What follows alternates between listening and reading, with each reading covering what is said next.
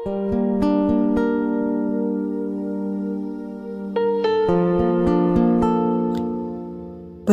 dan air mata dulu saya pikir sebuah masalah saya dengan seseorang atau sesuatu.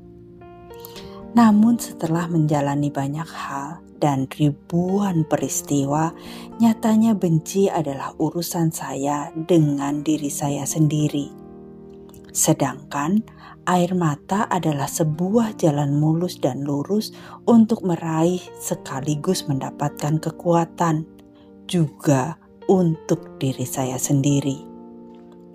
Jadi, pertanyaannya, apakah dendam disebabkan oleh orang lain, atau ia justru saya ciptakan untuk menjadi tameng dari hal yang saya belum mau untuk berdamai dengan seseorang atau sesuatu. Lucunya, seseorang atau sesuatu itu justru diri saya sendiri. Bagaimana dengan kamu? Saya, Oktorina Basusyanti.